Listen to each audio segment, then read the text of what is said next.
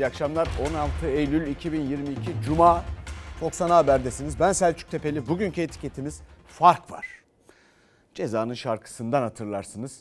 Bunun yanında geçmişle bugünden, enflasyonun olduğu günlerle olmadığı günlerden birçok şey yazılabilir. İyi ile kötü arasında seninle benim aramda bir fark var. Birçok mesaj da geldi. Onları paylaşacağız. Fakat biliyorsunuz bugün Özbekistan'da bir zirve vardı.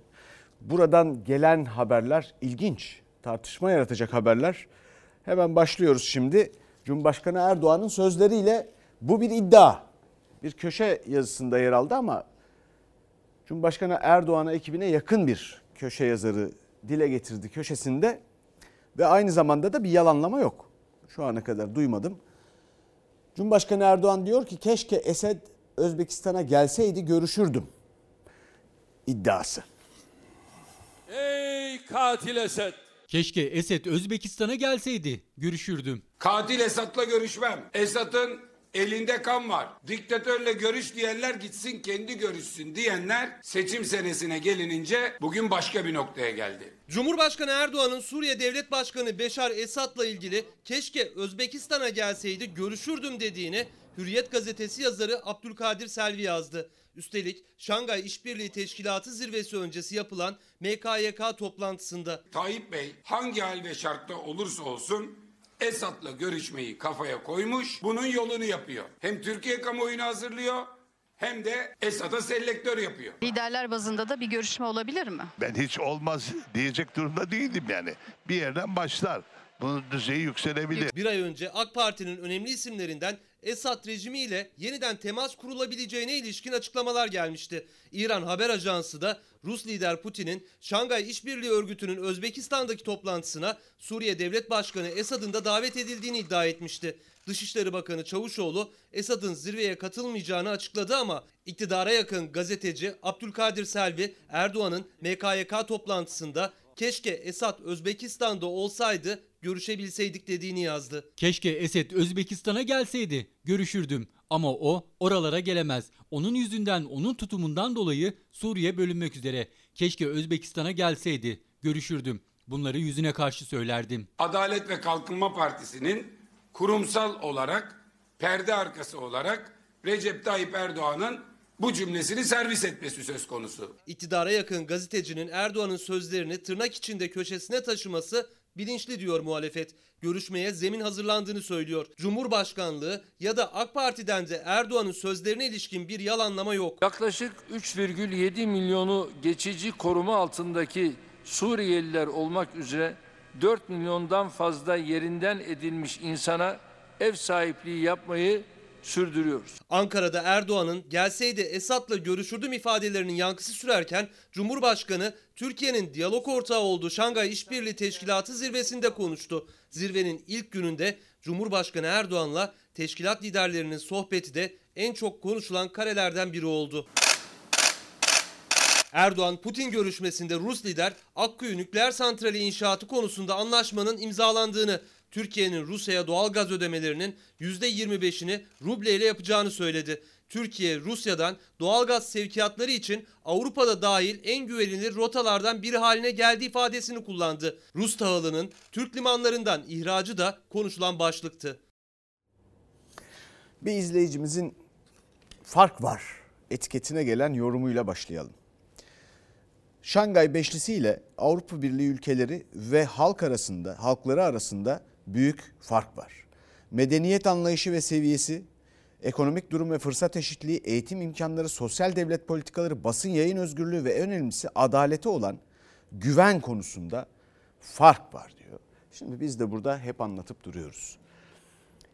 Türkiye'nin hep içinde yer aldığı tarihinde oranın batı denen dünyanın gelişmiş batı denen dünyanın yanlışlarını düzeltip içinde birlikte medeniyet oluşturmada katkı verdiği, katkıda bulunduğu.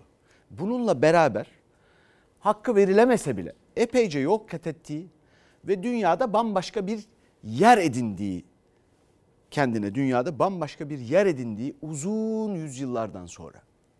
Yani Osmanlı'nın bile yaptığı bir şeyden bahsediyoruz. Şimdi de Osmanlı'nın bile yapmadığı bir şeyden bahsediyoruz. Yüzünü ta Şangay'a, Şangay İşbirliği Teşkilatı'na filan dönüyorsun.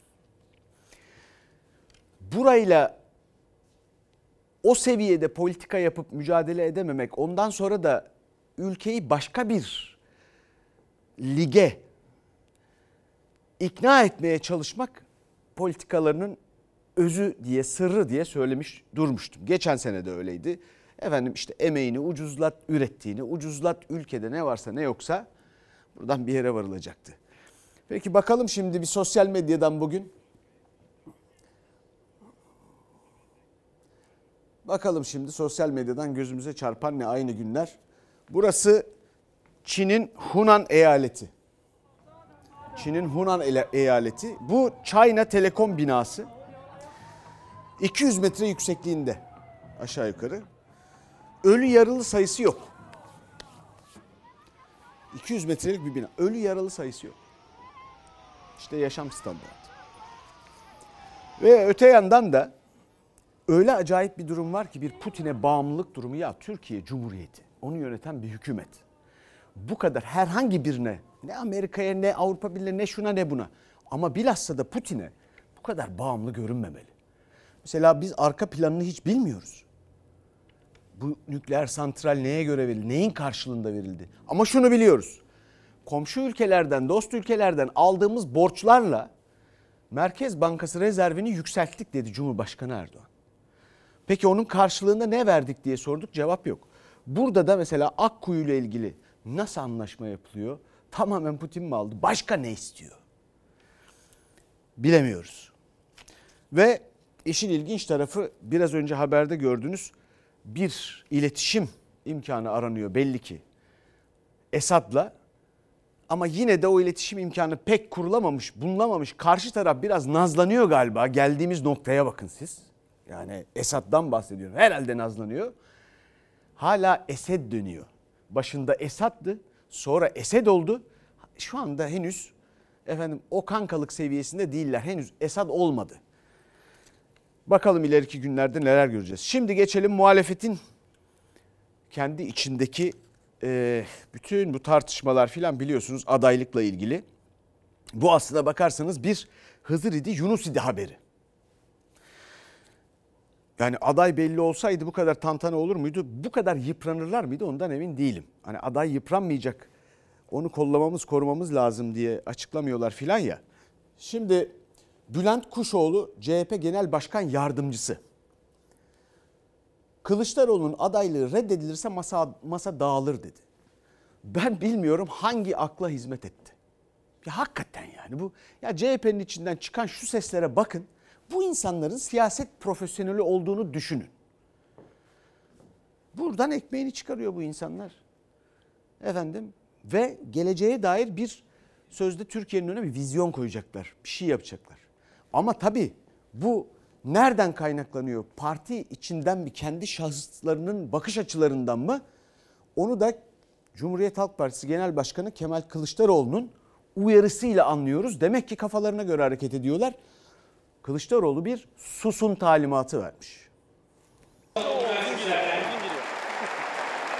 Kılıçdaroğlu'nun adaylığının masada reddedilmesi Türkiye için ne anlama gelir? Bunun iyi değerlendirilmesi lazım. Karşı çıkarlarsa masa dağılır. CHP Genel Başkan Yardımcısı Bülent Kuşoğlu'nun Kılıçdaroğlu'nun adaylığı altılı masada reddedilirse masa dağılır sözleri siyaseti ısıttı. Bu açıklamadan sonra CHP lideri Kılıçdaroğlu milletvekilleri ve genel başkan yardımcılarına liderlerin alacağı kararlarla ilgili konuşmama talimatı verdi. İstanbul'dan da ittifaka bağlılık mesajı. Altı lider bir aradayız. Beraber çalışıyoruz. Zaman zaman duyarsınız. Yok kriz çıktı. Yok kavga çıktı. Yok şunu yaptılar. Yok bunu yaptılar. Emin olun bunların tamamı fasafiso. Hiç bunlara inanmayın. Adayımız, Cumhurbaşkanı adayımız Sayın Kemal Kılıçdaroğlu'nun sevgi ve saygılarını iletiyor. CHP Genel Başkan Yardımcısı Bülent Kuşoğlu bir yıl önce Kılıçdaroğlu'nun olası adaylığını ilk dillendiren isimdi. O sözlerden sonra CHP lideri de diğer muhalefet liderleri de kararın altılı masada verileceğinin altını defalarca çizdi.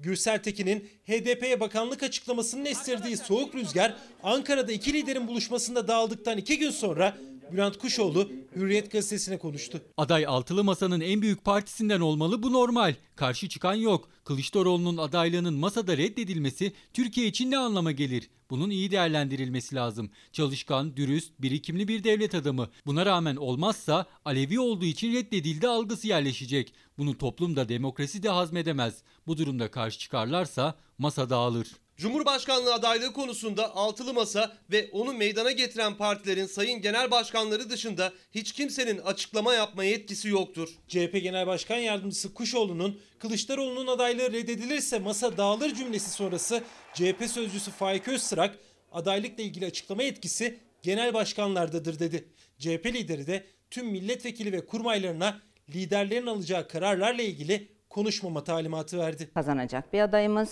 tecrübesi olan, devlet tecrübesi olan bir adayımız olacak. CHP lideri Kemal Kılıçdaroğlu kazanacak bir aday mıdır kriterlerinizde? Ama yani bu şimdi çok iyi bir soru olmadı. Bu arada altılı masa olarak herhalde artık isimleri konuşmaya başlayacaksınız. Bolu'da bir kardeşiniz var. Aklınızın bir kenarında bulunuversin Sayın Genel Başkan. CHP liderinin adaylığa hazırım sözleri sonrası kazanacak aday vurgusu yapan Meral Akşener, CHP'nin disipline sevk ettiği Bolu Belediye Başkanı Tanju Özcan'la birlikte Bolu'da açılıştaydı. Özcan'ın adaylık talebine yorumu da çarpıcıydı. Meral abla benim adımı unutma. Şimdi herkesi komaya sokayım unutmayacağım.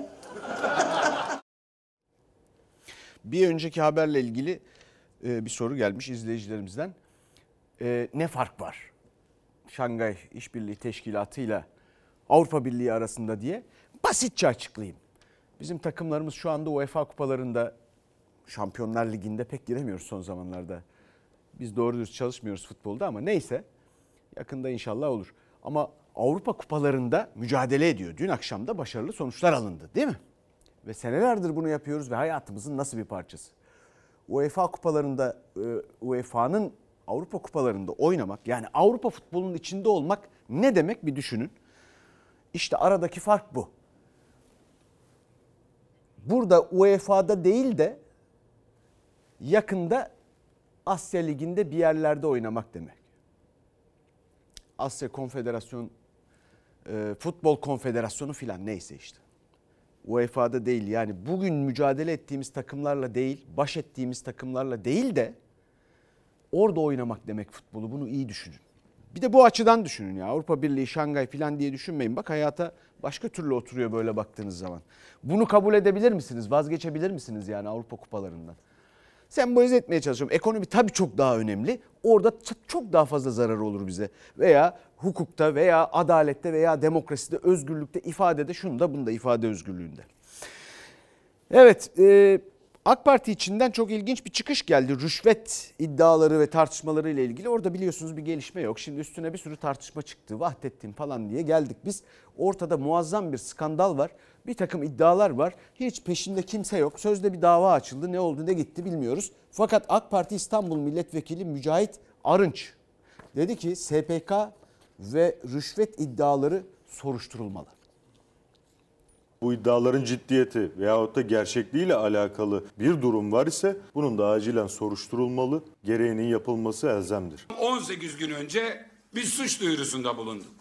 AK Parti'den ses yok. Savcılardan ses yok. Emniyetten ses yok. Mücahit Arınç'tan ses var. SPK eski başkanı AK Parti milletvekili ve Cumhurbaşkanı danışmanları hakkında rüşvet iddiaları ile ilgili muhalefet yargıdan bir adım beklerken AK Parti milletvekili Mücahit Arınç konuştu TV5'te. Rüşvet iddiaları soruşturmalı dedi. Kimsenin doğru bir mekanizma içinde yanlış yapıp halel getirip tabiri caizse temiz bir süte siyah karıştırması bu da çekilecek bir şey değil. İttifakımız suç duyurusunda bulundu. 18 gün geçti. Yargıdan hala tık yok. Birileri ülkemizin adalet sistemini suç çetelerinin kirli oyunlarına kurban etmek için uğraşıyor. Böyle bir rezilliğe asla izin vermeyeceğiz. Eski SPK Başkanı Ali Fuat Taşkesenlioğlu, kardeşi AK Parti Milletvekili Zehra Taşkesenlioğlu ile birlikte Cumhurbaşkanı danışmanları Serkan Taranoğlu ve Korkmaz Karaca'nın da ismi rüşvet iddiaları içinde geçiyordu. Karaca istifa etti danışmanlıktan. Cumhurbaşkanı Erdoğan MYK toplantısında Serkan Taranoğlu'nu görevden aldığını açıkladı. Bir danışman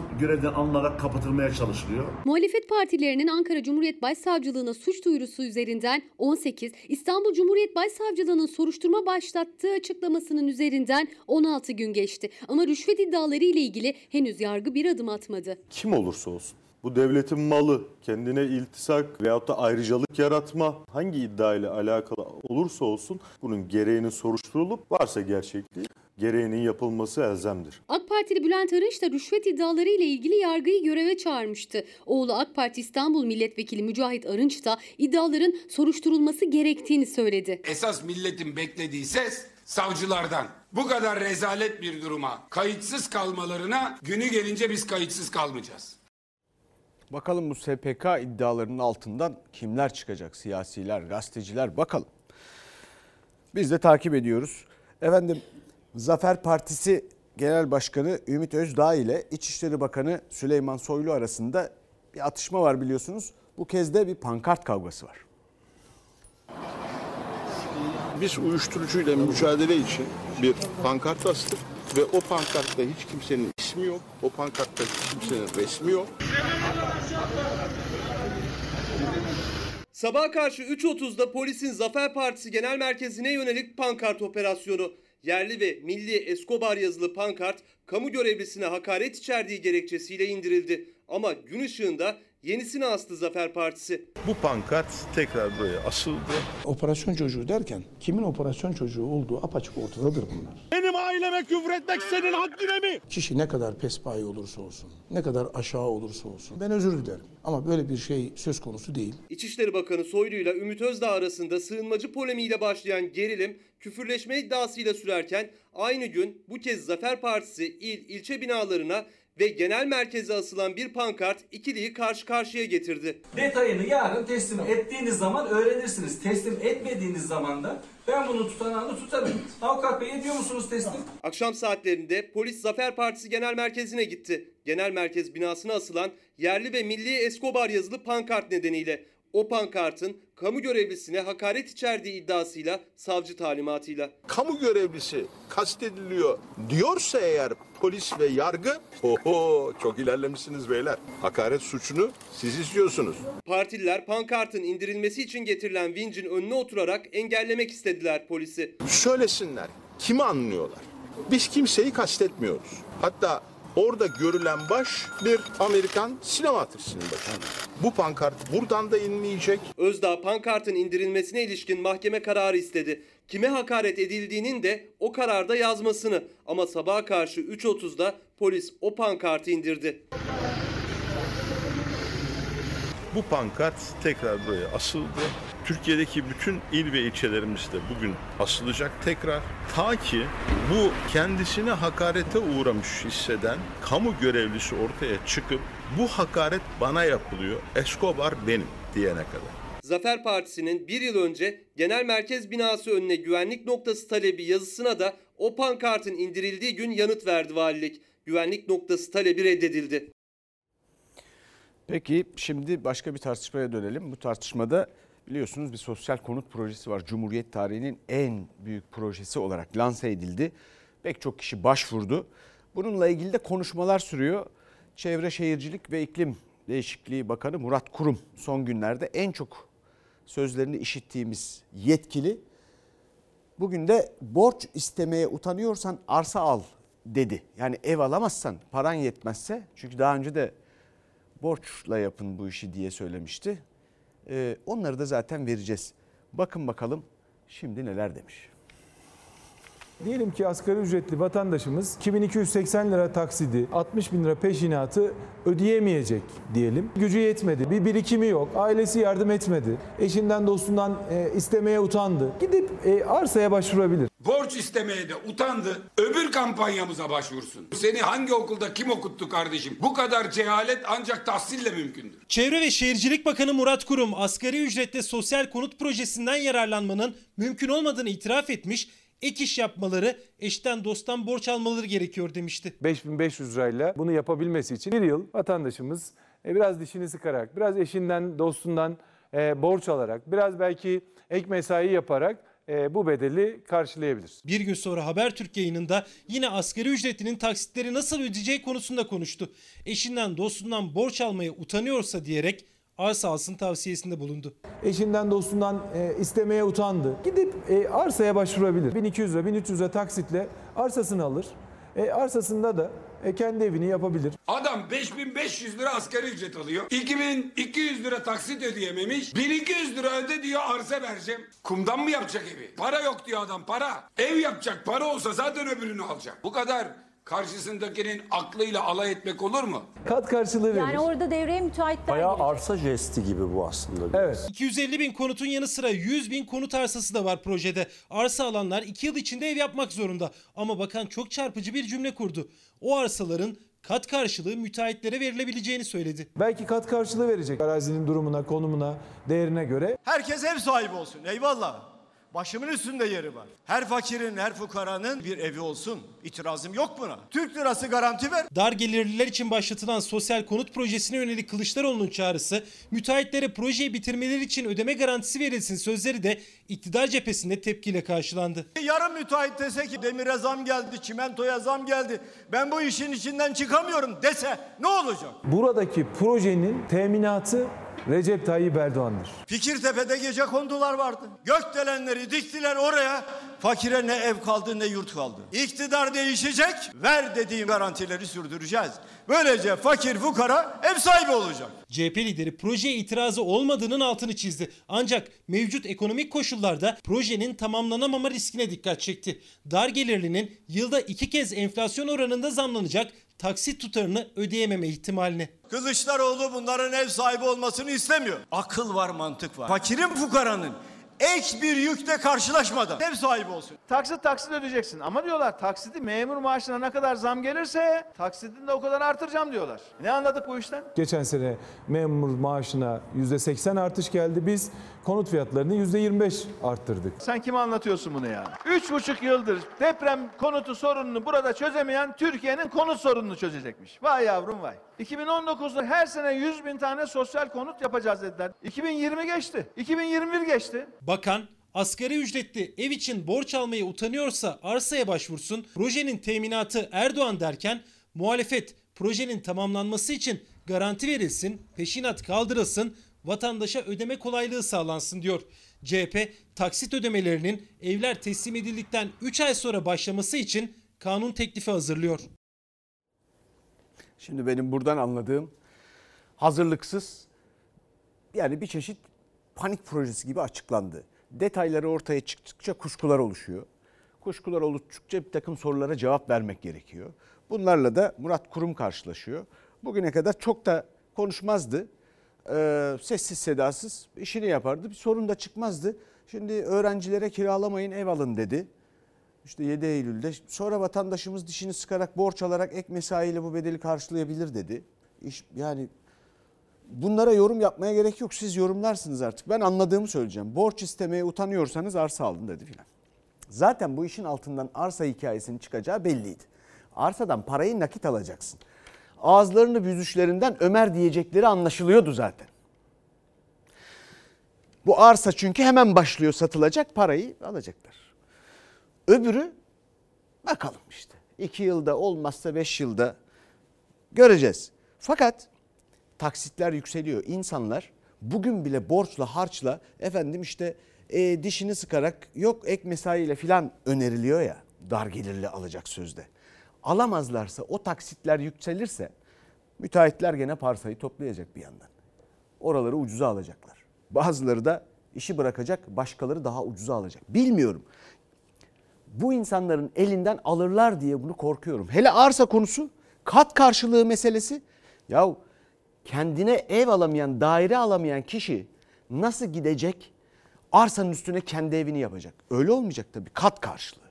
E, e yine arsa spekülatörleri müteahhitler parsayı toplasın. Ve bir yandan da bunun nasıl bir tarım alanı, nasıl bir arazi yağmasına dönüşebileceğini düşünün herkes ev sahibi olsun. Elbette bu ülkenin devletinin, hükümetlerinin doğru dürüst bir konut politikası olsun. Böyle emlakçı gibi yapmasınlar bu işi. Elbette olsun ama bunun nereye gideceğini görmemiz lazım. Herkesin görmesi lazım. İnşallah iyi olur. Haber medyasına da bakıyorum bir yandan. Haber medyasına da bu konuda her şeyi söylüyorlar. İnsanların bilmesi gereken dışında her şeyi.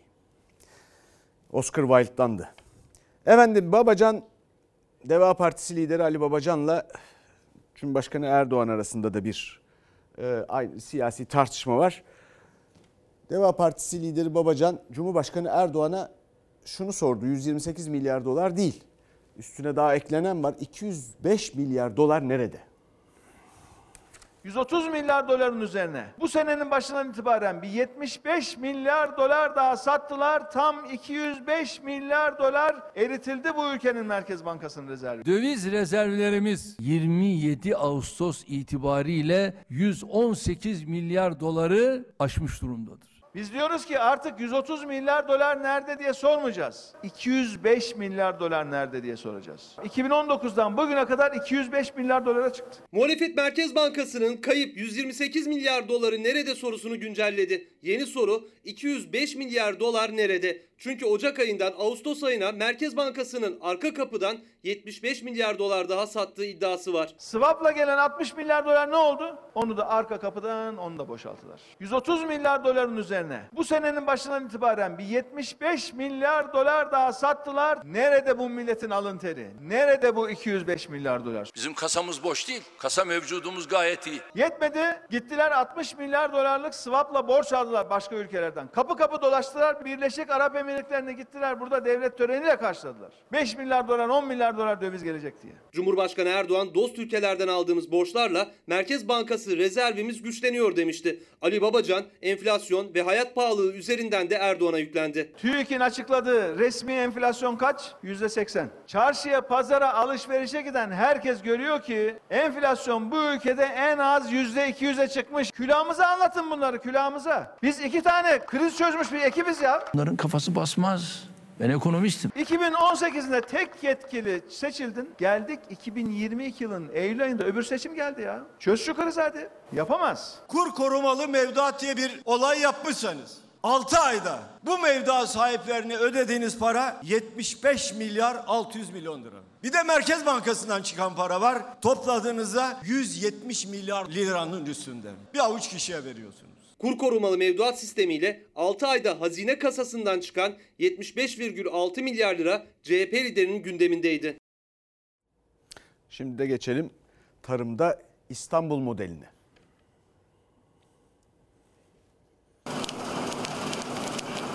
Herkes ekecek, herkes üretecek ama hiçbir çiftçi zarar etmeyecek. Çiftçinin zarar etmediği bir modeli hayata geçirmezseniz Türkiye'de insanlar aç kalır ve biz bunların tamamını bir şekliyle dışarıdan almış oluruz. İmamoğlu destek vermeseydi yani gerçekten çiftçiliği bırakacaktı. Değirmen köyümüzde %30, %40'a düşmüştü çiftçilik. Şu an Değirmenköy'de %80, %90'a ulaşmış durumdayız. Çiftçi varsa ekmek var tut elimizden yetiş Bay Kemal diyorsunuz. Yetişeceğim. İstanbul için yapılanları Türkiye için de yapacağız. CHP lideri Kemal Kılıçdaroğlu İstanbul'da seslendi çiftçiye. İstanbul Büyükşehir Belediyesi'nin mazot ve buğday tohumu desteği çiftçilere ulaşırken İstanbul modelini tüm Türkiye'de uygulayacağız dedi. Bedava elektrik sözü de verdi Kılıçdaroğlu. Çiftçiye bedava vereceğiz. Artan elektriği de çiftçi satacak. Oradan ayrıca gelir elde edecek. Bunu önce 6 ilde Doğu Güneydoğu'da 6 ilde sonra Türkiye genelinde bunu yaygınlaştıracağız. Yata veriyorlar mazotu ÖTV'siz KDV'siz. E çiftçiye hem ÖTV var hem KDV var. Onu da kaldıracağız. Sizlerin oylarıyla Allah nasip eder iktidara gelirsek çiftçiye mazotu kırmızı mazot vereceğiz. Çiftçinin en büyük maliyet kalemi yakıt. Tüm çiftçiler gibi Silivri'deki çiftçi de topraktan uzaklaşıyordu. İstanbul Büyükşehir Belediyesi, İstanbul'un tarımsal alanı Silivri'de çiftçilere mazot ve tohum desteği vermeye başladı. Nasıl memleket yanlış politikalarla bu hale getirildiyse doğru politikalarla da bu gidişin düzeltilmesi mümkün. İstedik ki çiftçimiz bu düzenin altında kalıp ezilmesin, tarlalarımız yeşil kalsın ve betonlaşmasın. Bir tarafta çiftçinin traktörü, diğer tarafta buğday tohumu dolu tırlar ve mazot dolu tankerler çiftçiye mazot ve buğday tohumu desteği verecek. Üstelik çiftçiler yetiştirdikleri buğdayı yine İstanbul Büyükşehir Belediyesi'nin iştiraki halk ekmeğe satabilecekler. Bu sene tattık zaten. Tüccar 6'ya aldı, başkanımız 7-200 aldı. Bu da bizim için büyük bir katkıdır yani. 100 litre moda bize nereden baksan 50 dönüm yer sürer yani. Biz destek olacağız ki sizler de üretin ve biz en temel ihtiyaçlarımıza dönük ithalata ihtiyaç duymayalım. 12-13 bin lira para tutuyor. 12-13 bin lira. Evet. Bunu hangi devlet verdi bu zamana? Hangi hükümet verdi? Allah razı olsun. Kılıçdaroğlu da çiftçiye biraz olsun nefes aldıran destekler verilirken oradaydı. İstanbul'da uygulanan bu modelin CHP'li tüm belediyelerde uygulanacağını söyledi. Kırsalda çalışan kadınlar ve gençler tamamı sigortalı olacak. Onların sigorta primini devlet ödeyecek. Evet, çok güzel bir konu bu.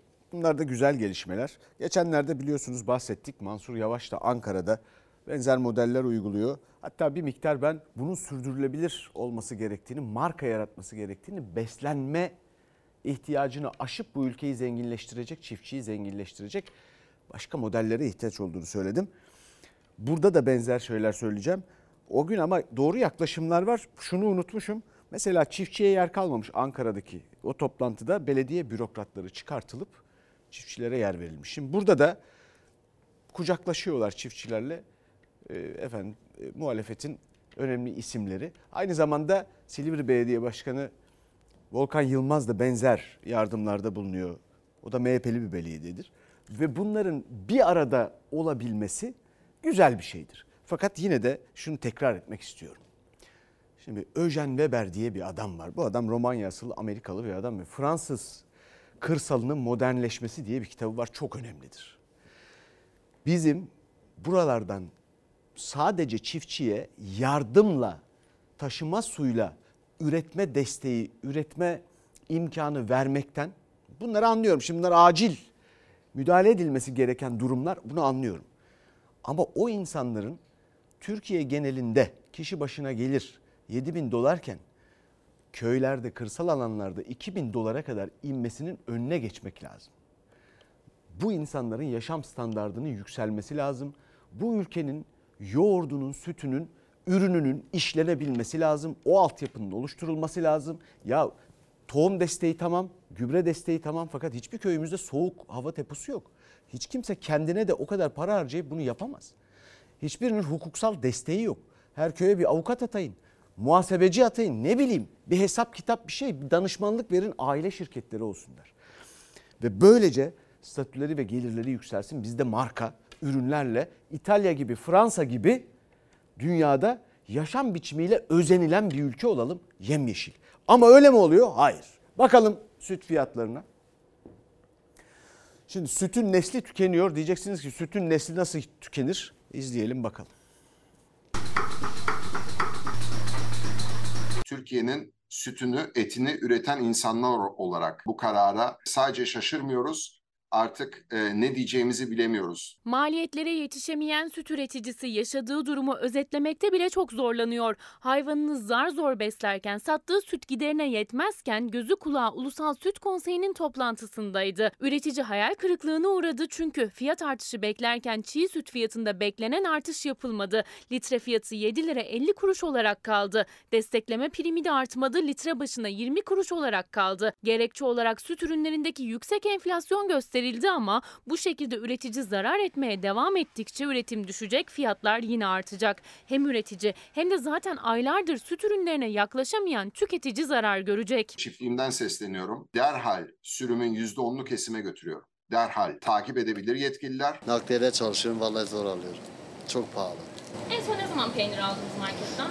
En son bundan 6 ay önce almıştım. O zaman ucuzdu diye aldım. Şu an alamıyorum. Nakliye işçisi 6 ay önce kampanya olunca alabildi peyniri. Çocuğu olansa mecburen alıyor çocuğuna göre. Tüketiciyi bu noktaya sürükleyen besiciye ve uzmanlara göre yanlış üretim politikası. Yetişmeye çalışıyoruz. Tek çocuk olduğu için bir şekilde idare etmeye çalışıyoruz ama iki ya da üç tane çocuğu olan bilemiyorum. Benim cebimden bugün 10 lira 33 kuruş çıkıyor her bir litre sütü üretmek için. Bizim 7,5 liraya bu sütü hala satıyor olmamızın sürdürülebilir olduğunu düşünen birisi varsa lütfen bize izah etsin. Avrupa'da 1 litre süt üretmek için ortalama 8 lira harcıyor besici. Avrupalı üretici sattığı sütte kar ederken Türkiye'deki ise zararda. Avrupa'nın, dünyanın giderleri bize göre yüzde 23 daha az. Avrupa'da ortalama süt fiyatı çiftçinin eline geçen para 10 lira 12 lira mertebesinde. Haliyle tek tek küçülmeye gidiyor çiftlikler. Üretici süte en az 9 lira 50 kuruş verilmesini beklerken Ulusal Süt Konseyi'nin fiyatı sabit tutması da üretimi azaltacak. Bu da daha fazla ithalat süt ürünleri fiyatlarına yeniden zam demek. Süt ve süt ürünlerinin fiyatı reyonlarda zaten çok uzun süredir yüksek.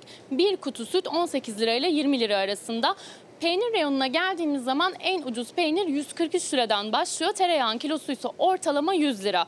Şöyle 1 kiloluk yoğurdunsa ortalama fiyatı 25 lira. İthalat yaptığınız zaman da o zaman göreceksiniz yoğurdun, peynirin, sütün kaç liraya çıktığını. Eskisi gibi değil artık hesap yapıyoruz. Üç çocuk olunca baba olunca mecbur takip ediyoruz. Tüketici bugün zaten zor yetişiyor fiyatlara. Süt sektörünü rahatlatacak bir destek adımı atılmaması hem sektörü daraltacak hem de tüketiciyi daha da zorlayacak. Aldım ihtiyacım var. Normalde ben ev yoğurdu yapıyorum. Gerçekten bıçak kemiğe dayanmış, testere de hatta kemiği de kesmiş durumdadır.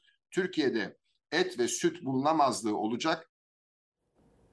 Peki bakalım şimdi Almanya'da karın doyurmak nasıl daha kolaymış? Şu anda alışverişe gidiyorum. Fiyatlar tabii ki yükseldi. Ayçiçek yağını 1.19 alırken şu anda 2,5 euroya al- alabiliyoruz. Alım gücünüz ne durumda peki? Düştü tabii. Asgari ücretle kıyaslamak gerekiyor. Türkiye'deki asgari ücretle kıyasladığımız zaman mukayese edilmeyecek derecede bir uçurum var. İki ülke arasında alım gücündeki uçurum bir market alışverişinde bile ortaya çıkıyor. Almanya'da 113 euroya dolan alışveriş sepeti İstanbul'da bir markette 1337 liraya doluyor. Almanya'da bir asgari ücretlinin maaşının 14'te biriyle aldığını Türkiye'deki asgari ücretli maaşının 4'te biriyle alabiliyor. Aradaki bu büyük farkı Türkiye'deki enflasyon rakamlarını duyunca şaşkınlığını gizleyemiyor Almanlar. 18 mi yoksa 80 mi? 80. Oo nasıl yaşıyorsunuz? Şaka gibi inanılmaz bir şey. %16,6 ile son dönemlerin en yüksek gıda enflasyonunu yaşıyor Almanya. Asgari ücretse şu anda 1600 euro civarında. Peki bir asgari ücretli gıda masrafı için ne kadar harcama yapıyor? Tek seferde alışveriş sepetini ne kadara dolduruyor? İşte bunun cevabı için Berlin'de bir marketteyiz. Domates alalım. Salatalıkta 3 euro. Sivri biberin paketi 1 euro. Patatesin kilosu 1,5 euro. Muz 1 euro 79 sent. En pahalı olan meyve şeftali 4 euro. Sadece bu meyve sebze alışverişinin bedeli 16 euro tutuyor. Aynı ürünler aynı miktarda Türkiye'deki bir marketten alındığındaysa rakam 3 haneye çıkıyor. 135 lira 77 kuruş tutuyor. Domates salçası 2 euro. 1 kilo tavuk göğsü alabilir miyim? Az yağlı 1 kilo kıyma alayım. 1 kilo sucuk 10 euro. Almanya'da 2 euro olan salçanın fiyatı Türkiye'de 45 lira. Türkiye'de sepete kırmızı ve beyaz et eklenince fark katlanıyor. Aynı miktarda tavuk etine Türkiye'de 79 lira, kıymaya 164 lira, sucuğa ise 200 liraya yakın bedel ödüyor tüketici. Zeytinyağı 8 euro. 1 litrelik ayçiçek yağını alıyorum 4 euro. 800 gramlık bir kaşar peynir 6 euroluk olandan alıyorum. Süt de 1 euro 89 cent. 2,5 euroluk yumurtadan alalım. 2 kiloluk da yoğurt 3 euro 89 cent. 4 euro 29 cent bu tereyağda. 3 paket makarna aldım. Makarnaların fiyatı euro ile bile değil sentle. Almanya'da fiyatı 6,5 euro olan 1 kiloluk çayın aynısı Türkiye'de 77 lira. Bakliyat fiyatları arasında da fark büyük. 1 kiloluk pirinç 2 euro. Kırmızı mercimek 1 euro 59 cent. 1 kiloluk fasulyenin fiyatı 3 euro 49 cent. Fatura uzayıp gidiyor ama Almanya'da gıda fiyatlarının neredeyse hepsi tek haneli rakamlardan oluşunca ödenecek tutar 113 euro 45 sente aşmıyor. Yani Almanya'da bir asgari ücretli maaşının yaklaşık 14'te biriyle bu gıda alışverişini yapabiliyor. Eğer hesabı yüzdeye vurursak da asgari ücretli maaşının %7'si civarında bir oranı sadece bu sepet için ayırıyor. Türkiye'de ise asgari ücretle aynı gıda alışverişini yaparken maaşının 1337 lirasını ödemek zorunda. Almanya'daki asgari ücretlinin maaşının 14'te biriyle yaptığı bu alışveriş maaşının dörtte birine denk geliyor. İki ülkede alım gücü arasındaki uçurumun derinliğini rakamlar ortaya koyuyor. Daha yeni Türkiye'den Yeni geldim Türkiye'den. Trabzon'dan geldim. Orada mı daha pahalı burada mı? Bence Türk, Türk parası Türkiye'de daha çok artmış geliyor bana.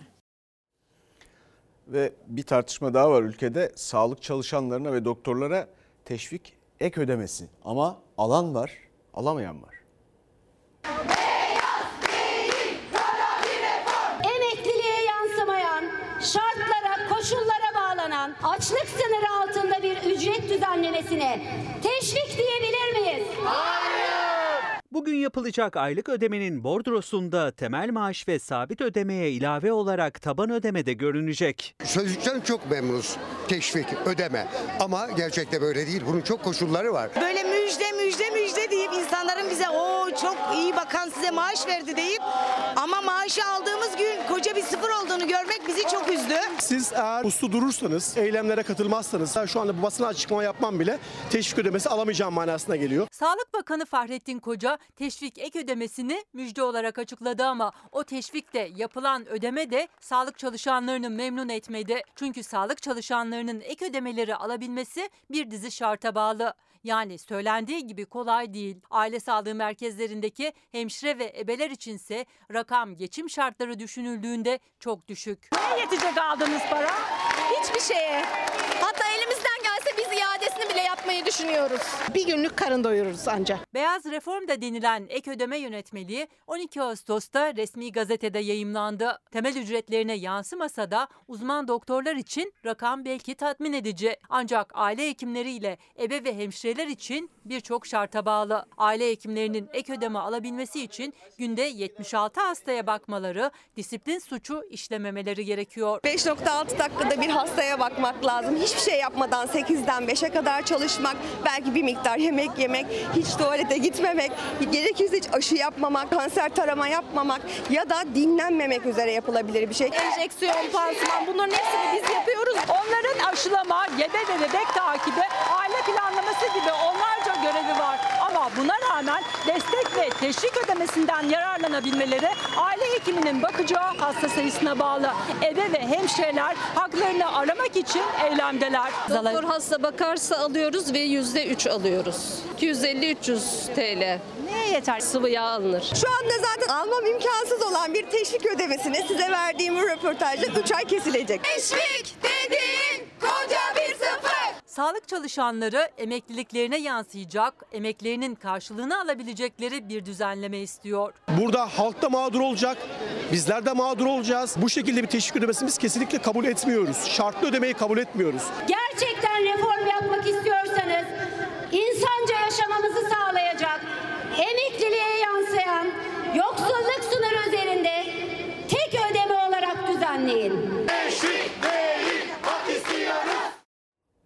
Bir izleyicimiz fark var demiş. Eskiden en azından temel ihtiyaçlar, süt, yumurta bu gibi şeyleri alabiliyorduk.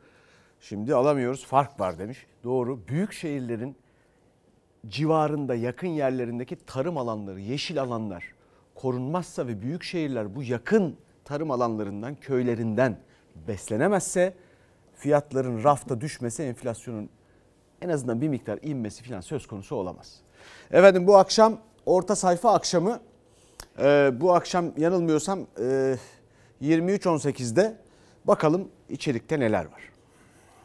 Hem Kılıçdaroğlu cephesinden var hem Akşener cephesinden var ama... Cumhuriyet Halk Partisi'ni temsil eden kişilerle konuştuğumu söyleyebilirim. Bu konuşulmuyor, konuşulmuyor. Bir şey kalmadı ki seçime. Ben bir operasyon olduğu kanaatindeyim. altılı masayı dağıtacak, orada bir takım canlı fay hatlarına yol açacak CHP Genel Başkan Yardımcısı Bülent Kuşoğlu, Cumhurbaşkanlığı adaylığı tartışması ile ilgili çok dikkat çeken bir açıklama yaptı. Kuşoğlu, Kemal Kılıçdaroğlu'nun adaylığına karşı çıkarlarsa altılı masa dağılır, aday altılı masanın en büyük partisinden olmalı dedi. Kuşoğlu'nun bu çıkışı sonrası altılı masada neler yaşanıyor? Yanıtı orta sayfada. Kemal Kılıçdaroğlu'nun adaylığının metazori olarak dayatıldığını düşünüyorlar. Kimse benim kurmayım değil diyor değil mi?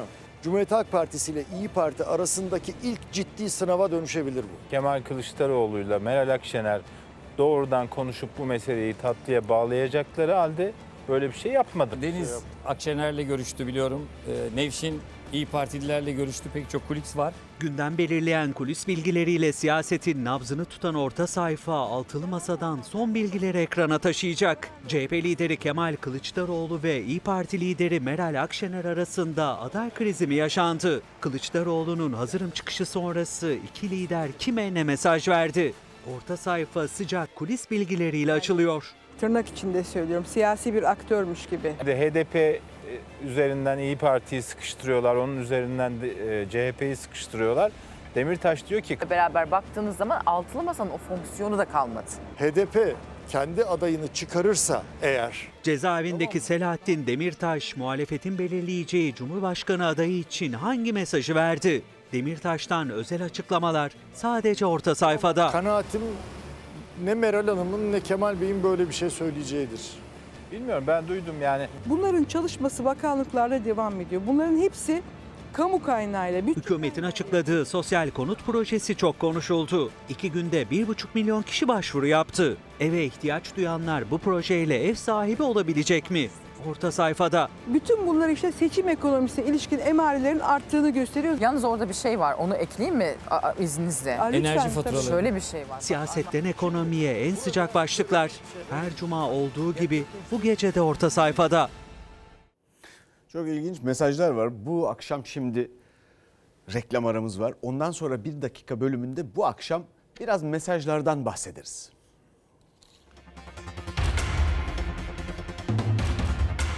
Bir kıymetli izleyicimiz iktidarın yıllardır bize vaat ettikleriyle yaşadıklarımız arasında çok fark var demiş. Gerçeklerle hayal ettiklerimiz arasındaki fark eğer çalışarak ulaşmaya takatimiz yoksa, hükümetlerimiz o kadar iyi performans göstermiyorsa borçla kapatılır. İşte buna dış borç denir. Bu nedenle kur farkı oluşur, döviz tutulamaz ve neticesinde de enflasyon olur. Efendim bir başka izleyicimiz de diyor ki cennete giren kahraman uzman çavuşlar kadroya giremiyor. İlginç ifade etmiş. Bir izleyicimiz de çok önemli bir noktanın altını çizmiş. Diyor ki Almanya'daki Türkiye'de Türkiye'de Armanya Türkiye ve Almanya arasındaki ürünler arasında karşılaştırıldığında kalite farkı da var. Sağlıkla ilgili problemler de var demiş. Bu çok önemli çünkü kim neyi ne kadar denetliyor bilmiyorum. Bizden sonra iyilik var yeni bölümüyle. Biliyorsunuz 23.18'de orta sayfa. Gülbin Tosun'a hafta sonu kolaylıklar dilerim. İyi hafta sonları. Bütün alem kurban benim yurduma. Lay lay lay lay lay lay lay lay lay lay lay